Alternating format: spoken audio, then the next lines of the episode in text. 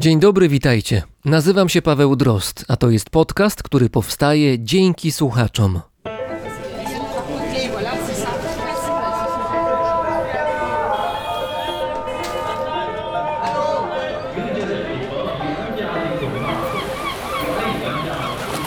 Brzmienie świata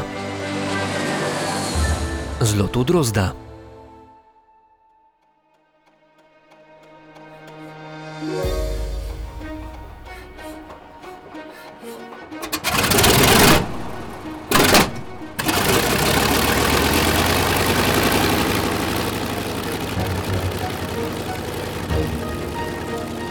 Silnik szybko wszedł na właściwe obroty. Pilot dokonywał ostatniej inspekcji i sprawdzał odczyty zegarów pokładowych.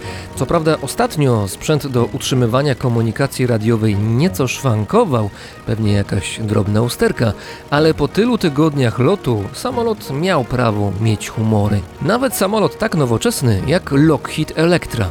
Obok nawigator rzucał okiem na mapy, szykując się na czekającą go pracę. Z Nowej Gwinei mieli lecieć na wschód, nad Pacyfikiem, gdzie trudno było o łatwe punkty orientacyjne. Był lipiec 1937 roku, a za sterami siedział nie pilot, lecz pilotka o światowej sławie.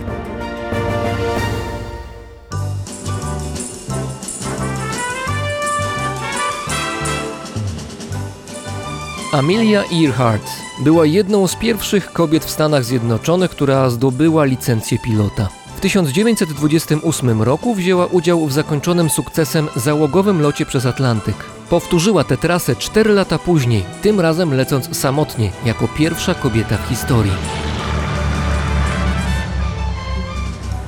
Powodzeniem brała udział w zawodach lotniczych, stała się celebrytką, chętnie witaną na salonach, nie wyłączając salonów Białego Domu. Korzystając z siły swojego nazwiska, zabiegała o równouprawnienie kobiet i ich obecność w lotnictwie.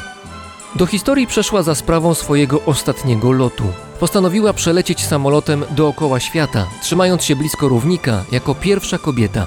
Wybór trasy oznaczał, że do pokonania było około 47 tysięcy kilometrów. Lot miał odbyć się na pokładzie przerobionego nieco pasażerskiego Lockheeda L-10 Electra, a nawigatorem miał być Fred Noonan.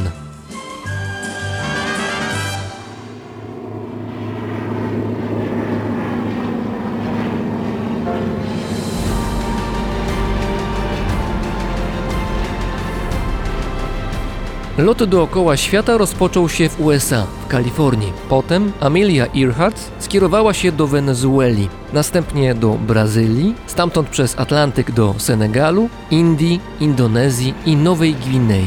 Lot przebiegał bez zakłóceń i zmierzał ku finałowi.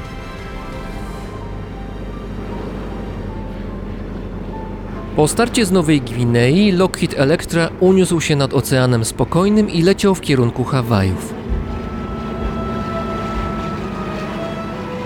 Po drodze miał zaplanowany postój na wyspie Howland, ponad 3000 km od Honolulu. Wiadomo, że Earhart była dosyć blisko lądowiska, ale samolot w niejasnych okolicznościach zaginął razem ze swoją dwuosobową załogą. Bazując na skąpych i niejasnych komunikatach radiowych Emily Earhart rozpoczęto natychmiastową akcję poszukiwawczą. Jej skala była bezprecedensowa, ponieważ wzięły w niej udział liczne okręty amerykańskiej marynarki wojennej, włącznie z lotniskowcem USS Lexington.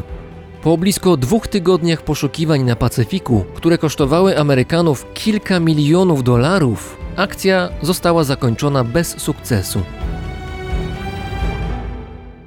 Zagadkowe zniknięcie samolotu niespełna 40-letniej lotniczej celebrytki rozpala wyobraźnię ludzi od kilku dekad.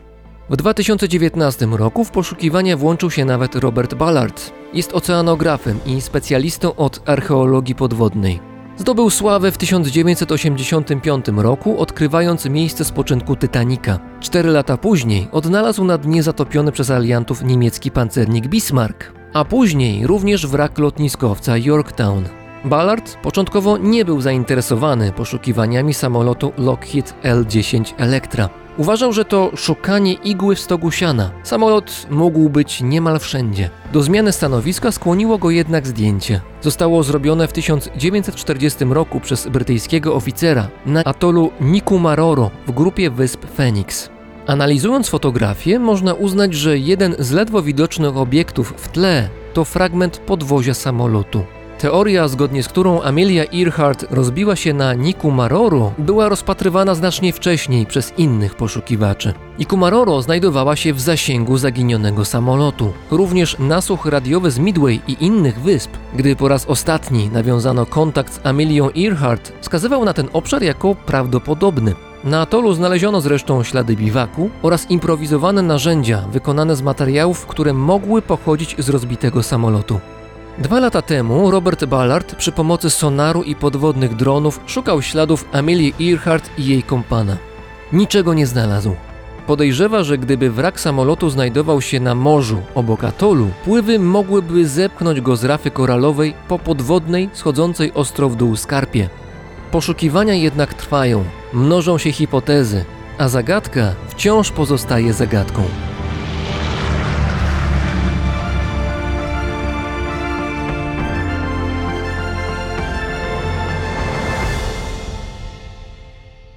Historia lotu Amelii Earhart przypomina o istnieniu atolu Nikumaroro. Miejsce to współcześnie należy do państwa Kiribati i to temu krajowi poświęcony jest ten odcinek.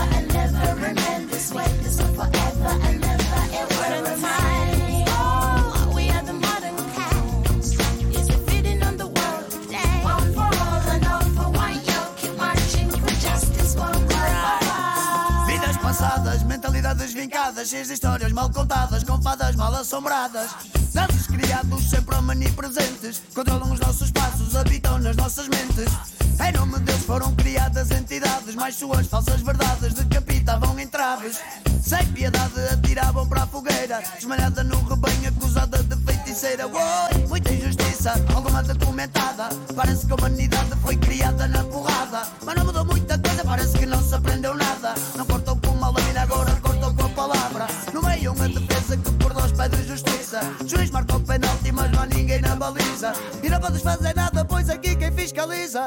Anda com uma venda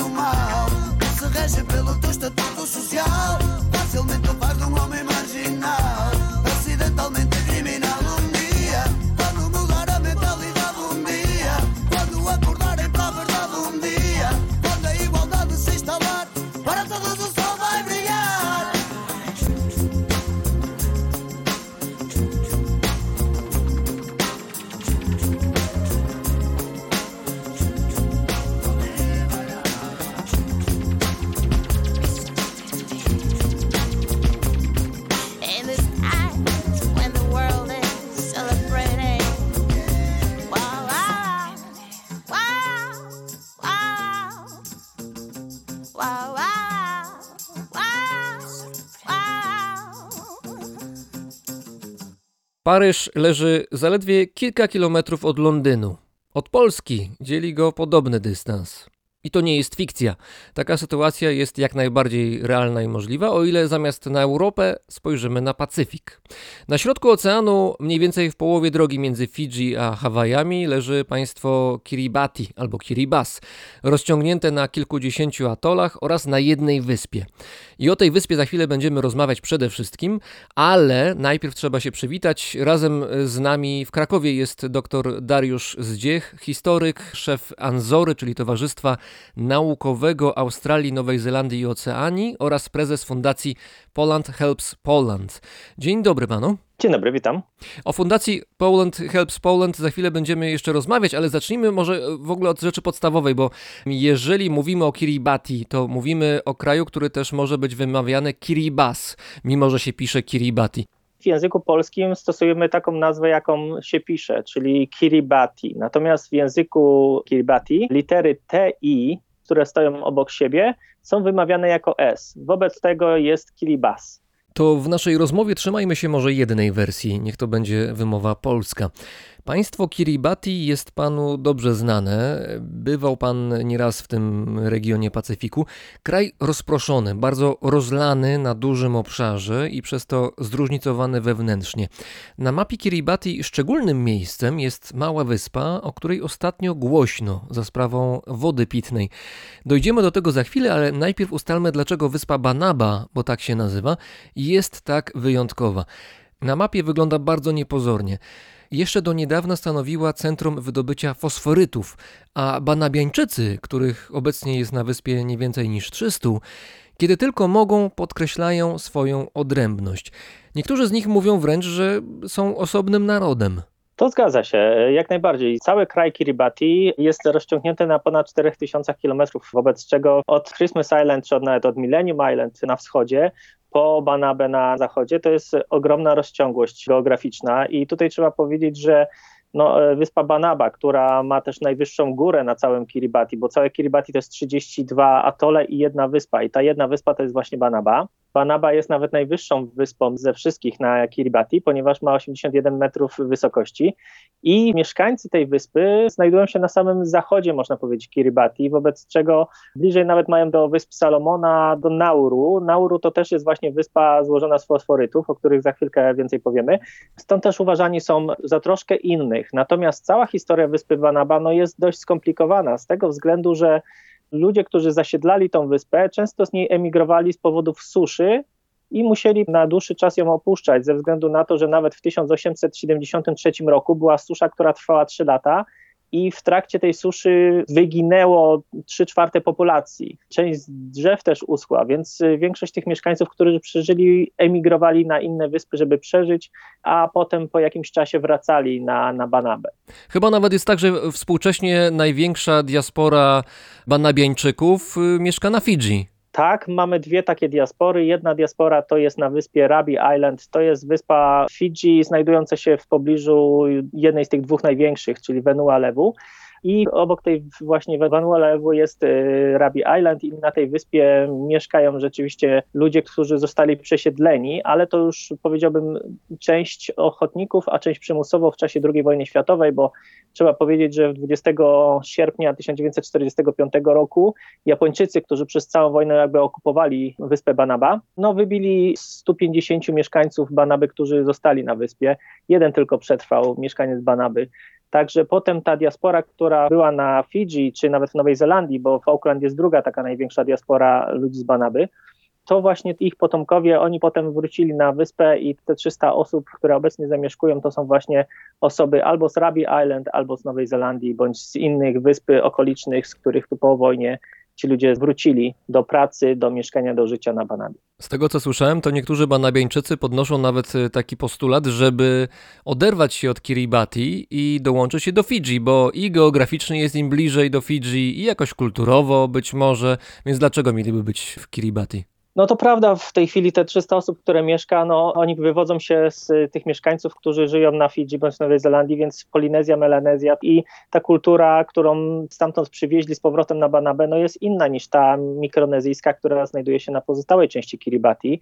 Natomiast no jest też taki problem, że jak nie wiadomo o co chodzi, to chodzi o jedno i w tym przypadku nie jest inaczej. Znowu chodzi o pieniądze, a mianowicie odszkodowania, które rządy Wielkiej Brytanii, czy Australii, czy Nowej Zelandii wypłacają Kiribati za zniszczenie tej wyspy, czyli no przekopanie, tam ponad 22 miliony ton urobku, fosforytów zostało wywiezionych z tej wyspy, więc praktycznie krajobraz księżycowy, coś jak na Nauru, pozostał, wobec czego no te odszkodowania poszły dla rządu Kiribati, który te pieniądze przeznacza jakby na rozwój całego kraju, a nie tylko wyspy Banaba, co jest źle widziane przez mieszkańców Banaby, którzy no, zostali albo przymusowo wysiedleni, albo teraz nie mają gdzie wrócić, bo ta wyspa jest po prostu zniszczona i te środki uważają, że powinny być dla nich i przelane na konta mieszkańców wyspy Banaba, którzy mieszkają na Fidżi.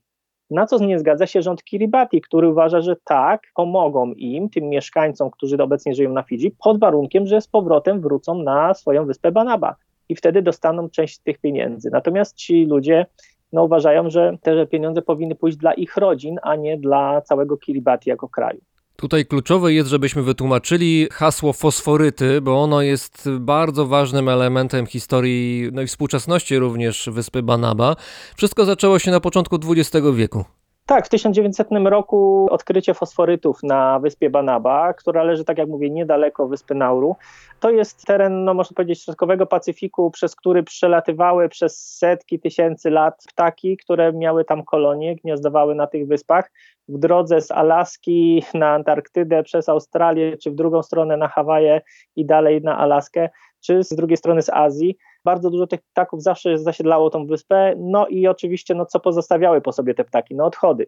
Te odchody z morskim klimatem, z słoną wodą, reakcje chemiczne spowodowały, że utworzyły się ogromne góry łana, które stało się tymi fosforytami super nadającymi się na nawóz, na wykorzystanie tego nawozu na plantacjach, na, na farmach w Nowej Zelandii, w Australii, no i dla różnych terytoriów Wielkiej Brytanii. Stąd też właśnie te trzy kraje zarządzały w trakcie posiadania tej wyspy, bo można powiedzieć, że stała się ich kolonią. I rzeczywiście Brytyjczycy, tutaj Australijczycy, Nowozelandczycy wykorzystywali te materiały, ten urobek dla swoich celów, przekopując praktycznie całą tą wyspę, bo tak jak mówię, 90% tej wyspy zostało przekopane, zniszczone i w tej chwili no, jest, można powiedzieć, nie do zamieszkania, nie do użytku. Także to jest ten problem fosforytów, supernawóz, natomiast dla mieszkańców tej wyspy stał się utrapieniem i powodem do zniszczenia tej wyspy. Widziałem mapy, na których oznaczone są kopalnie fosforytów, które jeszcze działały do lat 70. ubiegłego wieku, bo to trwało tam chyba 70 parę lat właśnie całe to wydobycie. No to to wygląda przerażająco, że rzeczywiście jakieś kilka osad gdzieś na wybrzeżu się znajduje, gdzie mieszkają ludzie, te niecałe 300 osób współcześnie, a cały środek, czy no środek i obrzeża, to są te miejsca, gdzie wchodził ciężki sprzęt i następowało wydobycie. To jest przerażające. Tak, to są no dzisiaj odpady górnicze w 90% zalewających tą wyspę i to trwało do 1979 roku, kiedy Kiribati uzyskało niepodległość i od tego momentu brytyjska, czy australijska, czy nowozelandzka kontrola nad wyspą jakby przestała mieć rację bytu. Zamknięto wydobycie fosforytów. Oczywiście to też spadało ze względów takich ekonomicznych, no po prostu już było ich coraz mniej na wyspie, więc w latach 30. powiedzmy było takie boom największe na wyspie Banaba, gdzie było prawie 3000 ludzi mieszkało, no 2,5 tysiąca powiedzmy, z czego tam no, 1700 mniej więcej mieszkańców wysp Kiribati, a inni pracownicy byli brani z Azji i z okolicznych też wysp melanezyjskich i polinezyjskich.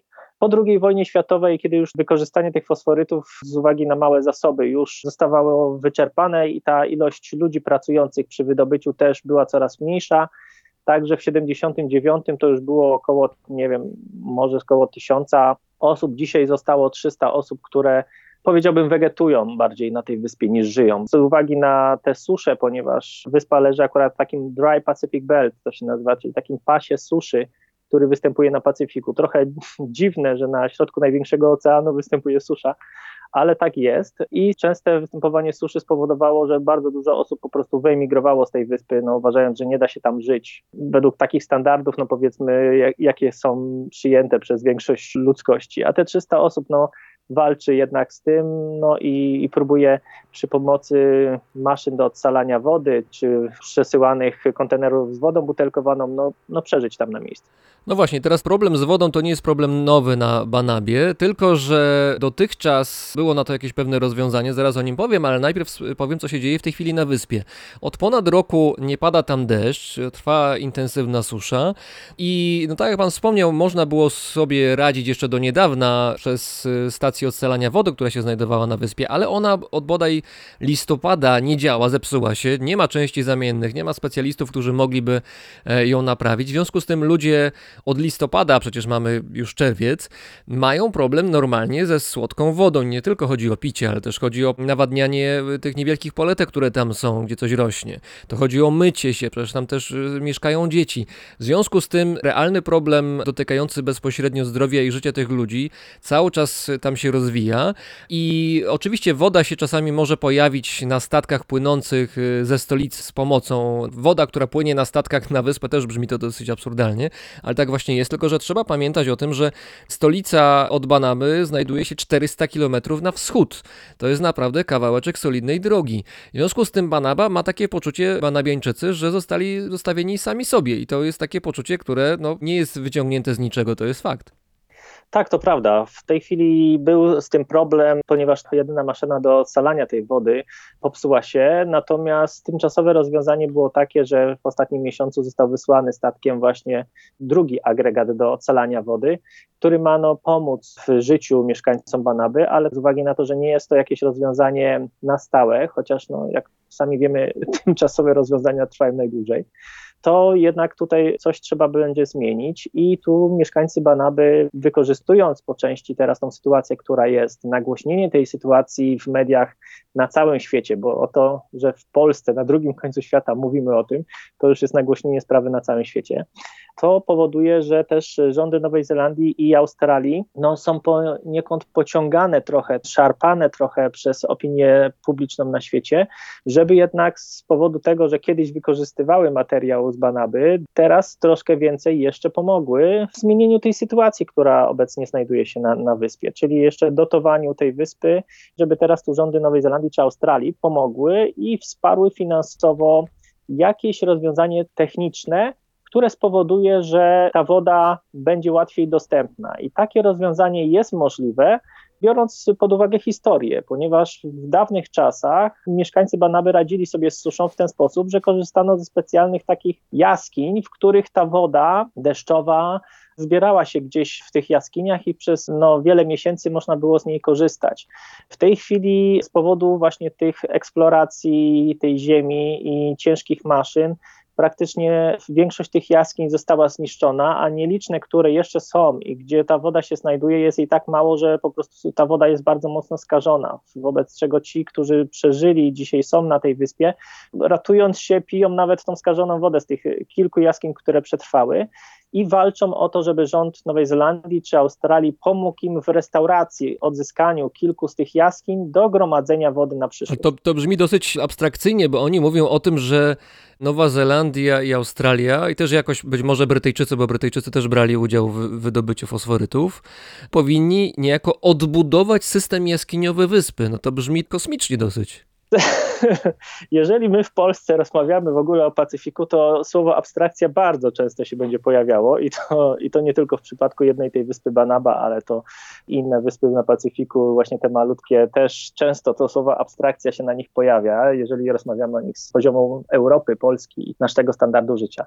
Natomiast rzeczywiście chcieliby, żeby w ramach rekompensaty te rządy pomogły w restauracji tych jaskiń.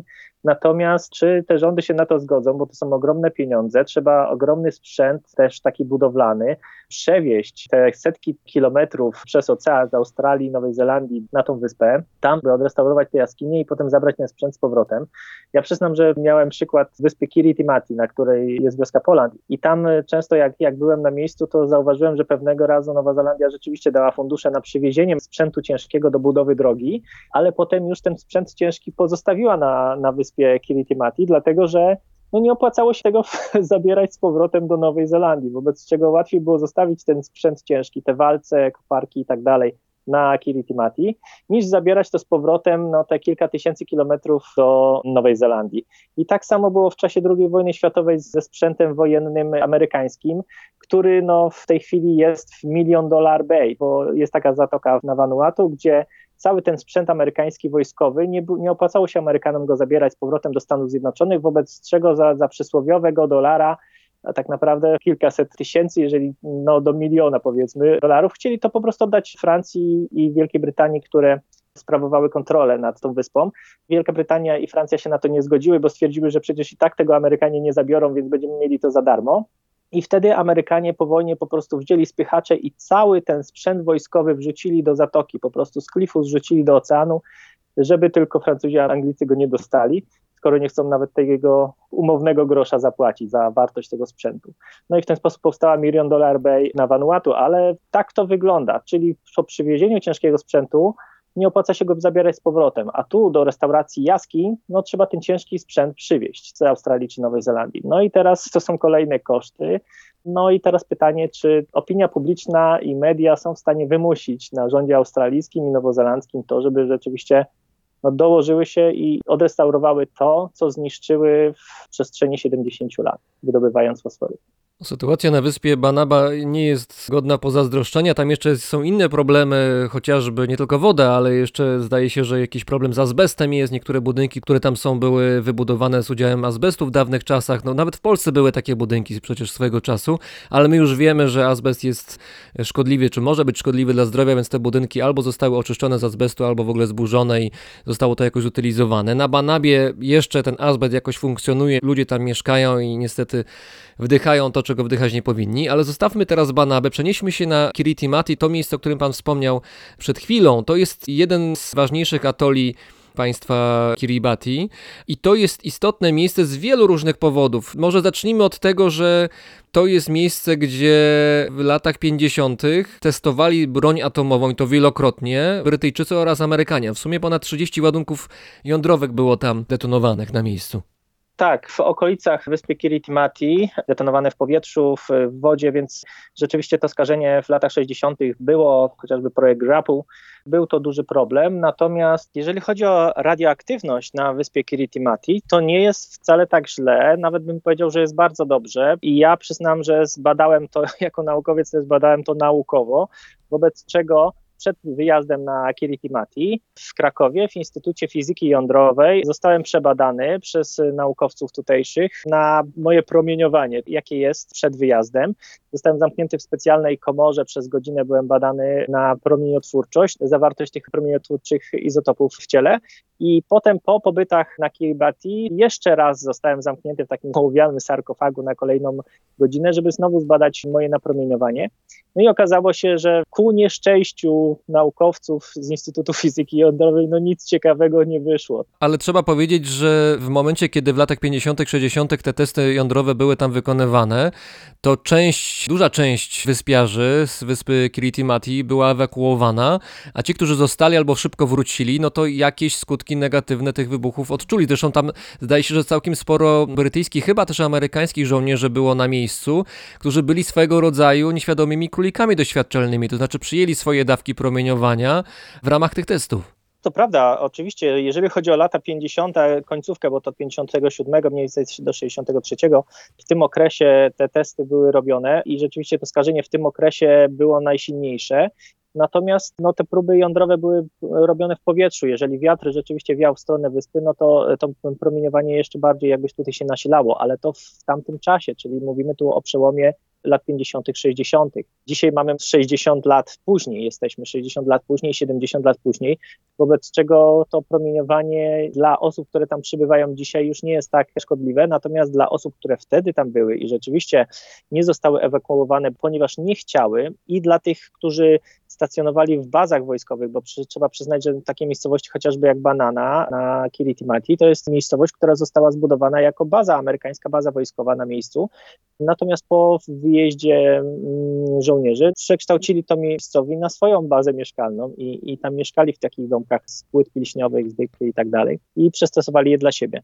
Więc stąd powstała wtedy ta osada. Natomiast tak, jeżeli chodzi o tamten czas, bardzo dużo tych osób miało problemy z chorobą popromienną na wyspie oraz y, nawet dzisiaj Brytyjczycy, brytyjscy żołnierze, amerykańscy żołnierze, którzy przebywali w tamtym czasie podczas testów, bo trzeba przyznać, że Brytyjczycy wtedy testowali swoją największą broń nuklearną, jaką stworzyli, to testowali właśnie w tamtym regionie. I trzeba przyznać, że dzisiaj są odszkodowania dla żołnierzy brytyjskich czy żołnierzy amerykańskich, którzy przebywali w czasie testów na, na wyspie. Czy na statkach wokół wyspy, czy w samolotach. No, w każdym razie tak, e, są takie strony internetowe, gdzie mogą Państwo znaleźć więcej informacji na temat tych żołnierzy, którzy tam przebywali, ich wspomnień, no i właśnie ich tych problemów zdrowotnych, które no, wiążą właśnie z tym pobytem w tamtym czasie w pobliżu wyspy Kiritimati. Wspomniał Pan o miejscowości, czy wsi właściwie, osadzie Banana. Tam jest kilka innych osad. Jest osada wieś Poland, o niej zaraz będziemy rozmawiać. Jest osada Paryż, już właściwie chyba w tej chwili tam nikt nie mieszka. Jest Londyn, ale jest jedno bardzo ciekawe miejsce na wyspie, to chyba południowo-wschodniej części. Jak się spojrzy na mapę atolu Kiritimati, to można zobaczyć, że są tam dwa pasy startowe. Jeden jest na północy, drugi właśnie jest bardziej na południu i ten na południu jest opuszczony. To jest ślad po japońskim programie lotów kosmicznych, bo na przełomie lat 80. i 90. Japończycy zaczęli budować własny prom kosmiczny i ten pojazd miał właśnie mieć swoją bazę na wyspie Kiritimati. Japończycy starali się stworzyć swoje własne lądowisko dla promów kosmicznych. Teren wybrano nie bez przypadku. Wyspa znajdująca się w pobliżu równika, na środku Oceanu Spokojnego, więc włożyli w to dość spore już pieniądze. Jest tam nawet do dzisiaj stacja radarowa japońska na, na wyspie, taka pozostałość po całym programie. Rzeczywiście w tamtym czasie budowano lotnisko. To lotnisko miało 3-kilometrowy pas, ze względu na to, że no, taką długość ten prom kosmiczny potrzebował tam gdzieś do lądowania ten pas został wykonany z płyt betonowych i miałem okazję kilka razy przejechać przez to lotnisko. Ono się nazywa Aeon Airfield. Dzisiaj całkowicie nieużywane, zarośnięte roślinnością miejscową. Z pomiędzy tych płyt już wystaje ta roślinność. Jeżeli ktoś tam ma samochód na wyspie, to to jest wspaniałe miejsce do testowania osiągów tego samochodu. Tam w ogóle jest czym jeździć, jeżeli chodzi o samochody, bo tam za bardzo przejechać jakoś na dłuższych dystansach nie za bardzo można, bo tam głównie woda, woda, woda, bo to jest atol, prawda, więc w środku jest, jest mokro, powiedzmy, to jest zapadnięty wulkan, a dookoła jest ląd i tam się można poruszać. Tak, to prawda, natomiast wojska brytyjskie i amerykańskie, które stacjonowały na wyspie, musiały się poruszać pomiędzy jedynym portem, który znajdował się w miejscowości London, a lotniskiem, wobec czego stworzyli drogę i ta droga asfaltowa została wykonana. Miała być wykonana wokół całej wyspy. No okazało się, że pieniędzy starczyło tylko między lotniskiem a miejscowością London, czyli takim powiedzmy stolicą tej wyspy.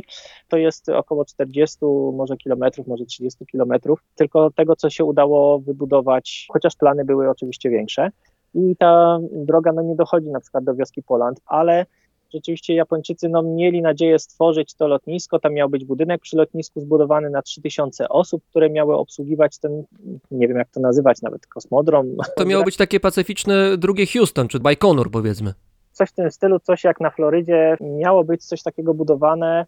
Natomiast program upadł. Kryzysy jakieś finansowe spowodowały w Japonii to, że no, były ogromne cięcia budżetowe, a bawienie się w kosmosie ciągnie ogromne fundusze i no, nie starczyło pieniędzy, aby ten projekt pociągnąć mocniej, bardziej go rozwinąć i lotnisko Aeon Airfield jest dzisiaj nieużywane, wokół niego nie ma żadnych osad, wobec czego jeżdżący w tamten teren ludzie to są zazwyczaj ornitolodzy, ponieważ no, cała wyspa jest takim, można powiedzieć, rezerwatem ornitologicznym i turyści, którzy no, w nielicznej ilości przybywają na tą wyspę w ramach zabicia czasu pomiędzy połowami tuńczyka błękitno-płetwego albo merlinów wybierają się na taką wycieczkę wokół wyspy i wtedy no, przyjeżdżają przez to lotnisko.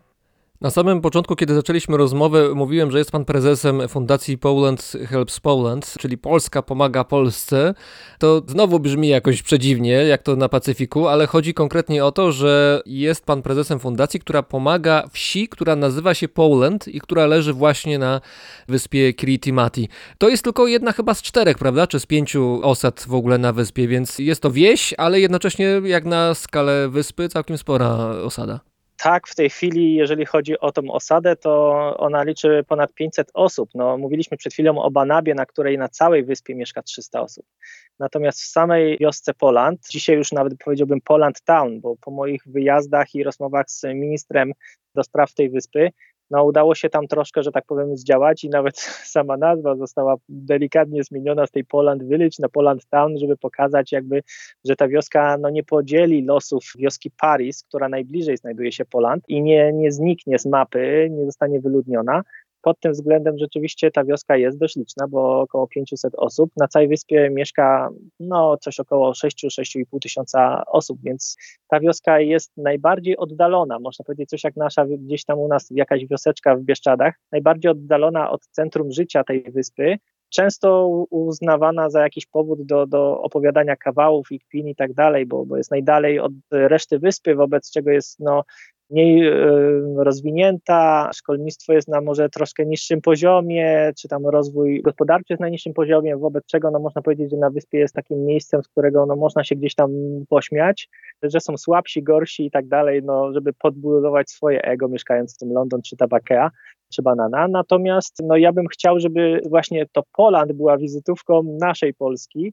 W Polsce się często ludzie no, pukają w głowę, o czym ja mówię, po co Polska ma sama sobie pomagać.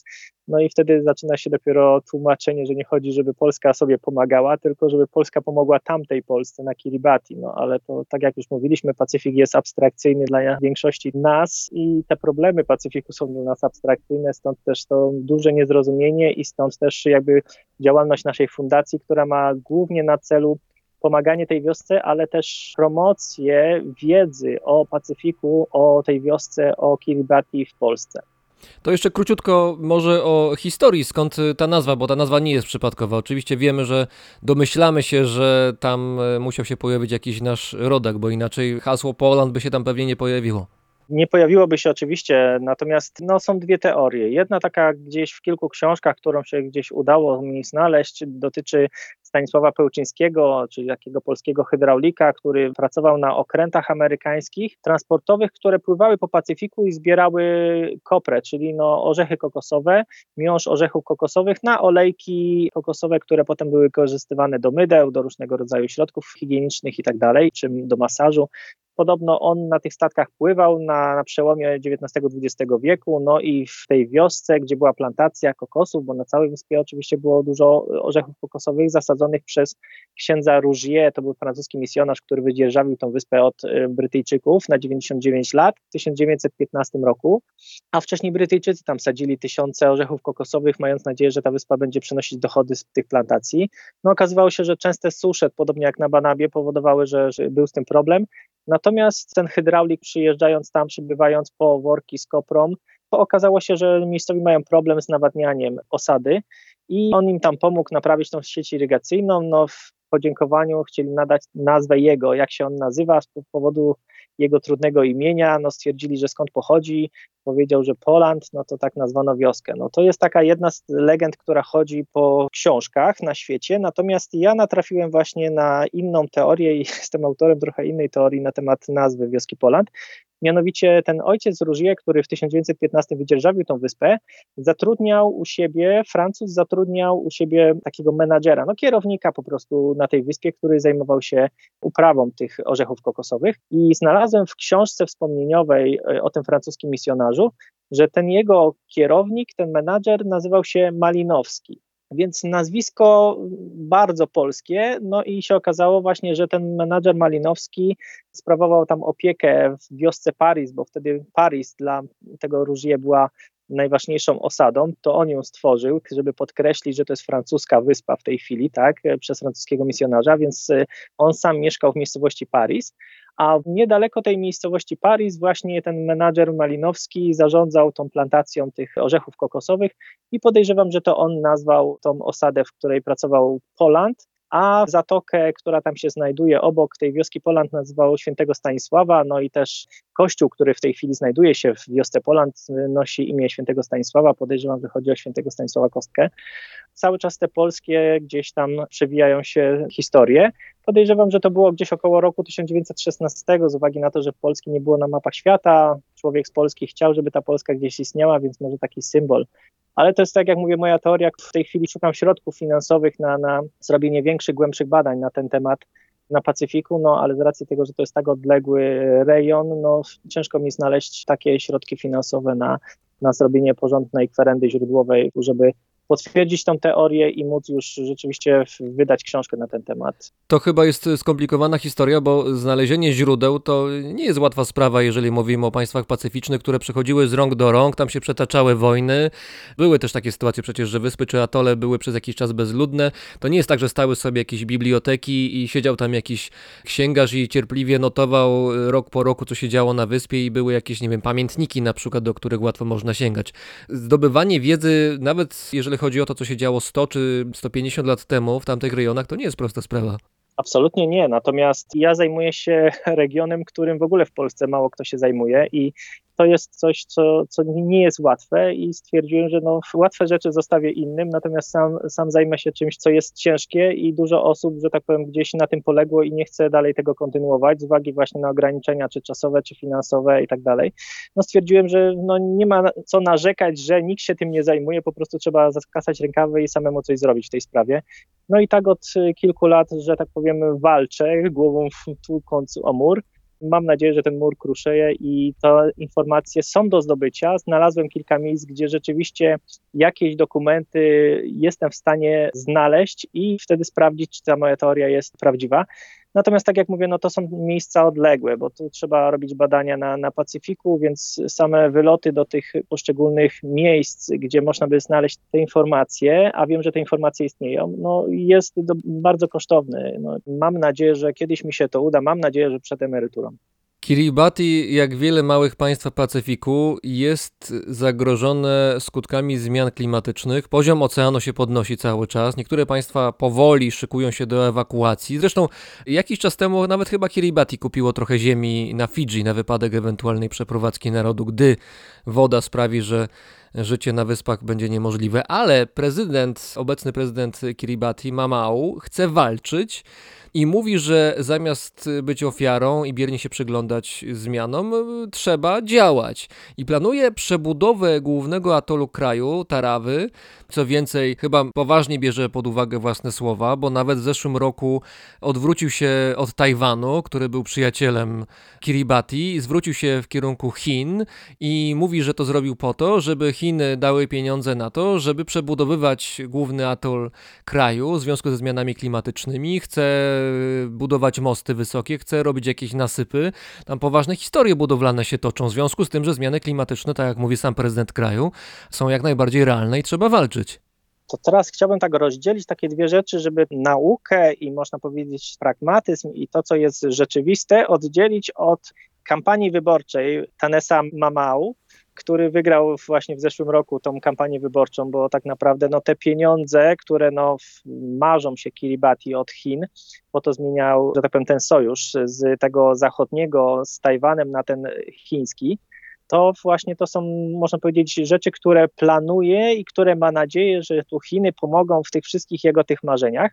Natomiast reasumując i tak od początku, osobą, która najmocniej działała na temat zmian klimatycznych i ten temat zmian klimatycznych wywołała jakby na całym świecie, to jest Anote Tong, poprzedni prezydent, premier i minister spraw zagranicznych To jednocześnie. ten, który kupił ziemię na Fidżi, prawda? Ten, który kupił ziemię za no, prawie 9 milionów amerykańskich dolarów, kupił tam 55 tysięcy akrów, to jest tam 2,5 tysiąca, no niecałe 2,5 tysiąca hektarów ziemi na Vanualewu, właśnie, który miał być terenem, na który w razie jak zatoną wszystkie wyspy, to ci mieszkańcy Kiribati się przesiedlą. Natomiast rząd w Fidżi nigdy by nie zgodził się na to, żeby na jego terenie, żaden podejrzewam, Australia się na to nie zgodziła, Nowa Zelandia się nie zgodziła, żeby na jej terenie było inne państwo. Wobec czego tak naprawdę Fidżi się zgodziło na to, żeby ten teren, który kupiono, te tysiące hektarów, za te 9 milionów dolarów, cztery razy wyższa cena niż okolicznych terenów, ale, mm, że tak powiem, marketingowo temat rozniósł się w mediach wspaniale, więc to się zwróciło. W każdym bądź razie chodzi o tereny, które dzisiaj służą do wypasu bydła i część z nich to są bagna, część to są w ogóle dżungla.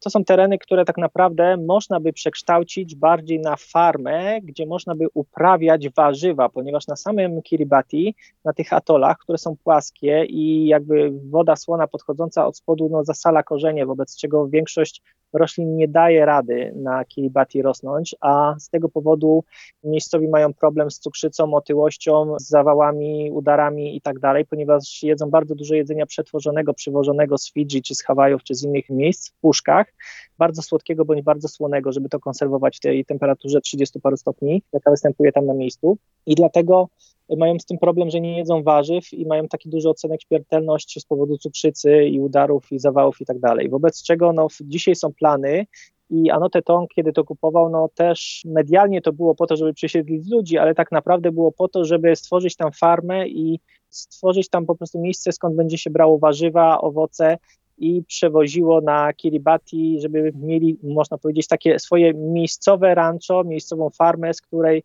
będą potem brać te owoce. No i dzisiaj w tych kampanii wyborczej prezydenta Mamału no też bardzo tam, można powiedzieć, że to politycznie też jest ciężki orzech, tu można by godzinę rozmawiać o politycznych sprawach. To, że Chiny obiecały dwa razy więcej dotacji niż Tajwan dawał do tej pory, to będzie dobre dla, dla Kiribati czy nie, bo no, dzisiejsza polityka Chin, która się objawia w takim podejściu, ja bym to powiedział, że oni dają kredyt, ale jednocześnie wpadają w długi te kraje, bo na przykład na Sri Lance powstał chiński port, tak naprawdę on miał być miejscowy, natomiast Chiny dały na niego pieniądze, dały kredyty i zbudowano ogromny port przeładunkowy na Sri Lance, no ale okazuje się, że Sri Lanka nie ma teraz pieniędzy, żeby spłacać i utrzymać ten port, wobec czego Chiny przejęły go na 99 lat, no i w ten sposób y, można powiedzieć Chiny się rozrastają na cały świat, dając z jednej strony pożyczki powodują, że te kraje wpadają w pułapkę zadłużenia. Kiedyś była dyplomacja kanonierek. W XVII, XVIII,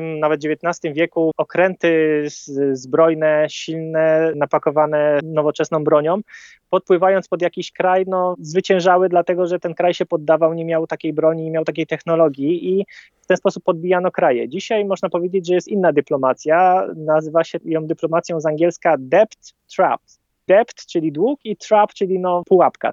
Zaciąga się dług, który staje się pułapką dla danego kraju. I tutaj Chiny dają miliardowe kredyty dla poszczególnych państw. One się cieszą, że coś powstało w ich kraju, no, są bliżej nowoczesności, a potem się okazuje, że nie ma kto tego spłacić albo nie ma jak utrzymać tego. I to jest ta dyplomacja debt trap i Chiny ją bardzo dobrze w tej chwili stosują i tutaj kraje takie jak Australia, Nowa Zelandia czy Stany Zjednoczone no, zaczynają się obawiać tego, że, że Kiribati wpadnie w taką pułapkę i Chiny obiecując, że oczywiście na Fidżi ta plantacja zostanie przez Chiny tak zmodernizowana, że będzie to wspaniała plantacja, z której owoce, warzywa będą płynęły na Kiribati. Natomiast czy to jest prawda, to jest jedna sprawa. Druga sprawa, no danie pieniędzy i modernizacja portów na Kiribati czy lotnisk, no to są kolejne miliony kredytów, które potem oczywiście no kto zbuduje? Przecież mieszkańcy Kiribati nie mają takich firm inżynierskich, konstruktorskich, które te porty i te lotniska zbudują.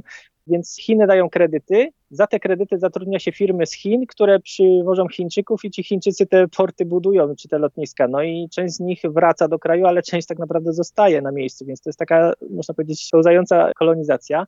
Z jednej strony mieszkańcy nowi na Kiribati, bo inżynierzy, tak, którzy budują te porty, a z drugiej strony właśnie pieniądze, które są tak naprawdę nie darowizną, a raczej pożyczką. No i potem nie ma za co spłacać, utrzymać tych portów, lotnisk, no i potem się zrobi problem. No i Chiny z chęcią, można powiedzieć, wtedy biorą w dzierżawę te porty, utrzymują je sami, no a jednocześnie stają się jakby właścicielami tych miejsc. To jest niebezpieczne dla Stanów Zjednoczonych, bo chociażby Kiritimati leży 2000 kilometrów od Hawajów, czyli głównego portu amerykańskiej Navy na Pacyfiku, czy Indo-Pacyfiku. Natomiast z drugiej strony znowu Banaba, jeżeli Chińczycy znowu będą pomagać Kiribati i dofinansują działania na Banabie, czyli stworzenie tych jaskiń, odrestaurowanie kilku i tak dalej, stworzenie jakichś portów, no to się okaże, że ta wyspa będzie należała do Chin, a ona leży znowu niedaleko, bo chyba tam około tysiąca kilometrów od Kwajalein, to jest taki atol na Wyspach Marszala, który należy do Stanów Zjednoczonych. Oni od czasów Reagana tam rakiety dalekiego zasięgu testują i tak dalej, więc znowu się okaże, że no, na Pacyfiku, na środku oceanu zaczyna rządzić Pekin i tutaj Stany Zjednoczone będą miały pewien problem. No oczywiście dzisiaj prezydent Mamału zastrzega się, że absolutnie nic takiego nie będzie, że tu nie będzie żadnej kolonizacji, nie będzie żadnych okrętów wojennych ani samolotów wojennych, wojskowych. Natomiast czy to prawda i jak to dalej pójdzie, no o tym to już całkiem inna historia. Ja widziałem ten port chiński e, na Sri Lance, ten, który jest teraz chiński. Chiński, to znaczy Chińczycy mają pełną nad nim kontrolę. Tam są dobudowane duże połacie ziemi poprzez specjalne okręty, które najpierw wydobywają z dna morskiego ziemię, wyciągają dno, wsysają, można powiedzieć, a potem to jakby przesypują na teren, gdzie ma powstać wyspa i tam już w tej chwili to już było bardzo zaawansowane i z tego, co słyszałem, to na tym terenie tego portu i okolic właściwie już takie mm, były przymiarki, że będzie panowało prawo w zasadzie chińskie. A oczywiście zaczęło się od tego, że dzień dobry, dzień dobry, jesteśmy Chińczykami, chętnie damy pożyczkę, nie macie spłacić, nie ma problemu, no ale dobrze, zostawmy to. Jeszcze wracając do kwestii samego Kiribati i tych potencjalnych zmian na głównym atolu Tarawa, jeżeli chodzi o zmiany klimatyczne, no to tam pomysł, żeby przebudować Tarawę i okolice jest dosyć poważny. To znaczy, no naprawdę to wygląda tak, jakby prezydent kraju uznał, że zmiany klimatyczne i potencjalne podnoszenie się wód y, oceanu to nie jest problem wyssany z palca. Na pewno problemem wyssanym z palca to nie jest. Natomiast czy to nastąpi tak szybko, jak się tam przewiduje, klimatolodzy przewidują, to jest druga sprawa. Natomiast jak dla mnie prezydent wykorzystał, że tak powiem, ten potencjał medialny, który dają sprawy klimatyczne do swoich politycznych celów, mianowicie no, zrezygnowania z Tajwanu, który nie chciał dać takich pieniędzy na modernizację Kiribati, jakie chcą dać Chiny. Więc bardzo sprytnie to wykorzystał, można powiedzieć, ten temat klimatyczny który rzeczywiście jest, natomiast no, zapóźnienie cywilizacyjne kraju też swoje robi i tutaj brak toalet, brak sieci wodociągowej, energetyki i, i falochronów i tak dalej, no to wszystko to inne kraje, można powiedzieć, z zachodniej cywilizacji to już dawno u siebie zbudowały. Na Kiribati tego nie ma, nie ma za co tego zbudować. No, sprawy klimatyczne stały się bardzo medialne na świecie, wobec czego no, czemu by ich nie wykorzystać do wzrostu standardu życia w swoim kraju, a zwłaszcza w stolicy, która znajduje się na atolu Tarawa.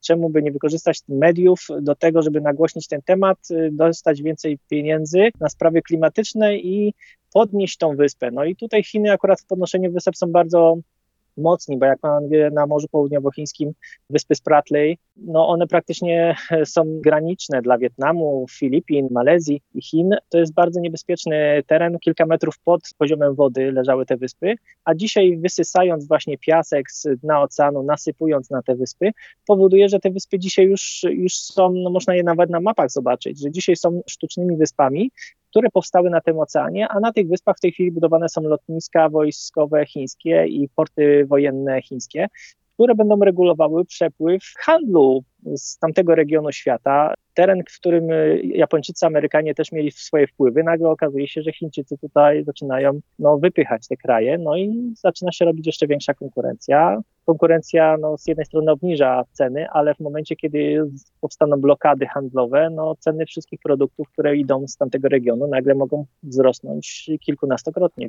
Ale to inna sprawa. W każdym razie no, Chińczycy mają pod tym względem technologię, mają, można powiedzieć, doświadczenie w tych budowaniu tych Spratly Islands, więc tu przy takim atolu jak Tarawa to najmniejszych problemów nie ma, żeby oni mogli to zrobić. Więc jeżeli chodzi o inżynierię, jak najbardziej zgadzam się, że oni są w stanie i mają możliwość wykonania tego, bo mają w tym doświadczenie. Natomiast czy to potem nie trafi pod kontrolę Chin, tego nie mam już pewności. No bo oni przecież też nie robią tego za darmo, bo są tak wspaniali i wielkoduszni. Tam jeszcze dodatkowo dochodzi kwestia raf koralowych i tego, jak one zareagują na te przebudowy, bo to przebudowa prawdopodobnie będzie taka zrobiona w stylu par force, siłowo i to się może dla raf koralowych skończyć źle, ale no zobaczymy, to jest kwestia przeszłości. Jedna rzecz, o której pan wspomniał, chciałbym do niej jeszcze nawiązać, kwestia sanitariatów, toalet, mówiąc krótko, na Kiribati. Czy ten problem dalej jest tak dojmujący jak jeszcze w latach 90., kiedy czytałem jedną z książek pewnego amerykańskiego dziennikarza i podróżnika, który tam mieszkał przez pewien czas i, i opisywał to w formie takiej humorystycznej, ale problem wtedy wydawał się realny, to znaczy toaletą był ocean. No co ciekawe, nawet często nie tylko ocean, ale często właśnie atol, czyli jakby ta rafa koralowa wewnątrz wyspy, czyli ta płaska, można powiedzieć, ta woda, która tam zalega w środku atolu i to często było toaletą. I rzeczywiście no, w kulturze Kiribati przy takiej małej ilości mieszkańców tego kraju no nie było to problemem, że tam kilkadziesiąt osób na wyspie załatwia swoje potrzeby fizjologiczne w atolu czy w oceanie, no bo wiadomo, że woda też zawiera sól, ta sól jest, no, działa tak antybakteryjnie, tak, więc zabija część z tych zarazków, i tak dalej. Natomiast no, w momencie, kiedy tych osób jest coraz więcej, coraz więcej, coraz więcej i, i wszystkie te osoby załatwiają te swoje potrzeby w tym jednym atolu, w którym ta woda no, powodu temperatury paruje, jest jej mniej, więc ta gęstość tej wody jest inna. Co prawda wyższe jest zasolenie, przez co też zabija więcej zarazków, ale z drugiej strony no, tych fekaliów tam jest więcej. No cóż, y, zmieniło to się bardzo. Zmieniło się bardzo i rząd Kiribati też zwrócił na to uwagę. Tak naprawdę może nawet nie on, jak wszystkie firmy, organizacje pomocowe, które przybywają z Nowej Zelandii, z Australii czy Stanów Zjednoczonych, z Tajwanu, a nawet z Japonii, bo na Kiritimati akurat w wiosce Poland dużo pomagała chociażby Japonia, budując szkołę w wiosce Poland, która no teraz wymaga jeszcze poprawek, ale to już inna bajka, czy Australia, która tam sieć wodociągową robiła. Rzeczywiście zwrócono na to uwagę i dzisiaj duże fundusze pomocowe, jeżeli idą z tych krajów zachodnich, czy Banku Światowego, czy innych organizacji pomocowych, to rzeczywiście też idą właśnie na sprawy sanitariatów, na, na sprawy jakiejś organizacji i zmiany tego stanu, który był do tej pory w kulturze taki naturalny, w kulturze Kiribati. Więc to też się zmienia jak najbardziej. W tej chwili jest bardzo duży postęp w tej sprawie. Natomiast no, wiadomo, że to nie jest taki postęp na skalę europejską. No, jest te 33 wyspy, no i na każdej po trochu tych pieniędzy, jeżeli dadzą to poszczególne kraje, no to się trochę zmieni. Natomiast no, nie jest to taka spektakularna zmiana, jakbyśmy, nie wiem, jeden stadion budowali tylko i wszystko szło w ten jeden stadion. To trzeba rozdzielić na te 33 wyspy i atole. To na koniec jeszcze jeden wątek związany z pandemią. Nie będziemy rozmawiać o tym, ile zachorowań i tak dalej, bo to jest trochę inna historia, ale zauważyłem takie zjawisko, o którym się bardzo mało mówi, niewiele mediów o tym wspomina. Chodzi mi o los marynarzy z Kiribati, którzy, kiedy pandemia się rozpoczęła, byli daleko na morzu, gdzieś powiedzmy na Atlantyku, gdzieś u wybrzeży Afryki, powiedzmy, czy u wybrzeży Indii. I w związku z tym, że kraj się zamknął dosyć szczelnie, jak wiele państw wyspiarskich, chociażby Nowa Zelandia, prawda, żeby się chronić, oni zostali na lodzie albo na wodzie może bardziej i nie mieli co z sobą zrobić i teraz do dzisiaj, rok, grubo rok po rozpoczęciu pandemii, powiedzmy licząc, że ona się rozpoczęła w marcu zeszłego roku, tak na dobre, oni tkwią gdzieś w jakichś krajach, na przykład w Europie, czy w Niemczech, czy, czy gdziekolwiek indziej i nie mogą się stamtąd wydostać, bo ich kraj macierzysty, ich ojczyzna nie chce ich przyjąć. To jest chyba dosyć poważny problem, bo tu mówimy o setkach ludzi, albo czasami nawet tysiącach, co w skali Kiribati to jest naprawdę duża grupa ludzi cały kraj ma 113 tysięcy mieszkańców, więc no jeżeli już, to może maksymalnie 1000-2000 tych marynarzy być na oceanie pływających pod banderą różnych państw i rzeczywiście dla europejskich krajów też takich jak Niemcy, okrętów rybackich połowowych, które no łowią na Pacyfiku i potem sprzedają te produkty w, w Niemczech, no rzeczywiście pracują ludzie z Kiribati. No i jest tym problem, to prawda, że kraj w momencie, kiedy no wystraszył się, ale to jest naturalna sprawa. No jeżeli mamy bardzo słabą służbę zdrowia, jeżeli nie mamy respiratorów na wszystkich wyspach Kiribati, jeżeli nie mamy podstawowego sprzętu medycznego, który był, był potrzebny, leków, lekarzy, pielęgniarek, którzy się znają na tym, laboratoriów, którzy są w stanie wykryć ten COVID przede wszystkim, tak? Jeżeli nie mamy tego wszystkiego w naszym kraju, to się jeszcze bardziej boimy. Jeszcze bardziej się boimy, że ten koronawirus nas zabije, bo nie będziemy go w stanie kontrolować. No bo czym? Wobec czego lepiej się zamknąć, no bezpiecznie. I to wcale dla mnie jest jak najbardziej normalna decyzja, jeżeli chodzi o Kiribati i wiele państw ościennych. Tu akurat bym się nie dziwił. Natomiast no, straty jakieś trzeba ponieść w tym sensie, że no, na każdej wojnie jakieś straty są i zamknięcie granic spowodowało, że turyści nie przybywali na Kiribati, wobec czego do dzisiaj można powiedzieć kraje wolne od, przez półtora roku wolne od COVID-u, więc no, z jednej strony uratowały się, a z drugiej strony no, zamykając się zniszczyły swoją gospodarkę, która no, w części też była oparta na turystyce. I ci wszyscy pracownicy, którzy tak naprawdę utrzymują w większości Kiribati, bo ich zarobki za granicą przesuwane do kraju no, rozbudowują ten kraj. No, oni zostali jakby na zewnątrz, ale oni nie są ludźmi, którzy zostali skazani na śmierć. To chciałbym podkreślić jako taką najważniejszą informację w tym całym problemie. W tej chwili ten problem na Kiribati został nagłośniony i rzeczywiście oni wracają, tylko że wystąpił problem na Fidżi, ponieważ większość tych ludzi samolotami tych Niemiec, Wielkiej Brytanii czy z innych państw Japonii no, są wysyłani najbliżej do Kiribati, czyli Fidżi i z Fidżi mieli być transportowani już po kwarantannie na, na Kiribati do domów. Natomiast okazało się, że w ostatnim czasie no, wybuchła ta epidemia, ta fala, nowa fala na Fidżi. I jest problem z tym teraz miejscem, jakby kolejnym takim hubem, z którego można ich transportować z powrotem do kraju. Kiribati się obawia, że oni się mogą na Fidżi zarazić. Papua Nowa Gwinea też ma z tym problem obecnie i jest ciężko. Razem z nami w Krakowie był dr Dariusz Zdziech, historyk, szef Towarzystwa Naukowego Australii, Nowej Zelandii i Oceanii, prezes Fundacji Poland Helps Poland. Bardzo dziękuję. Dziękuję bardzo.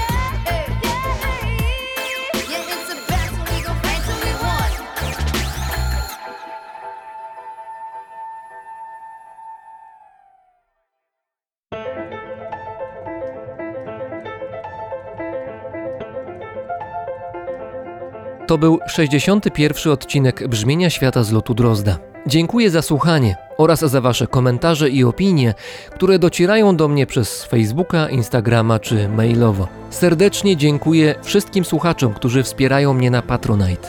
Za szczodrość i przekonanie, że brzmienie świata powinno istnieć. I istnieje dzięki Waszej pomocy. Paweł Drost, czyli ja, mówi Wam dobrego dnia.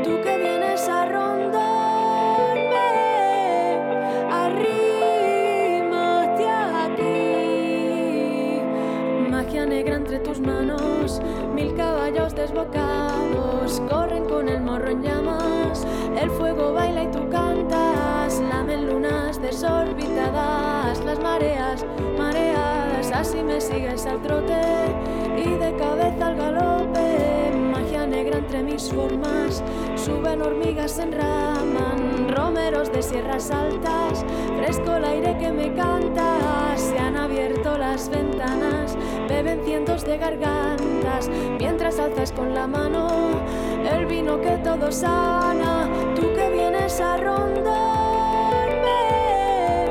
amárrate a mí. Tú que vienes a rondarme, arrímate aquí. En los aposentos del universo estás tú que me esperas. Se llena de chispas que saben a flores y a lenguas, magia negra entre tus manos. Altos jazmines se enzarzan, amarran nuestras caderas, vuelan hacia las esferas, fuentes de estrellas antiguas, santiguan nuestros galeos, arden en llamas azules todas las voces del universo con nosotros.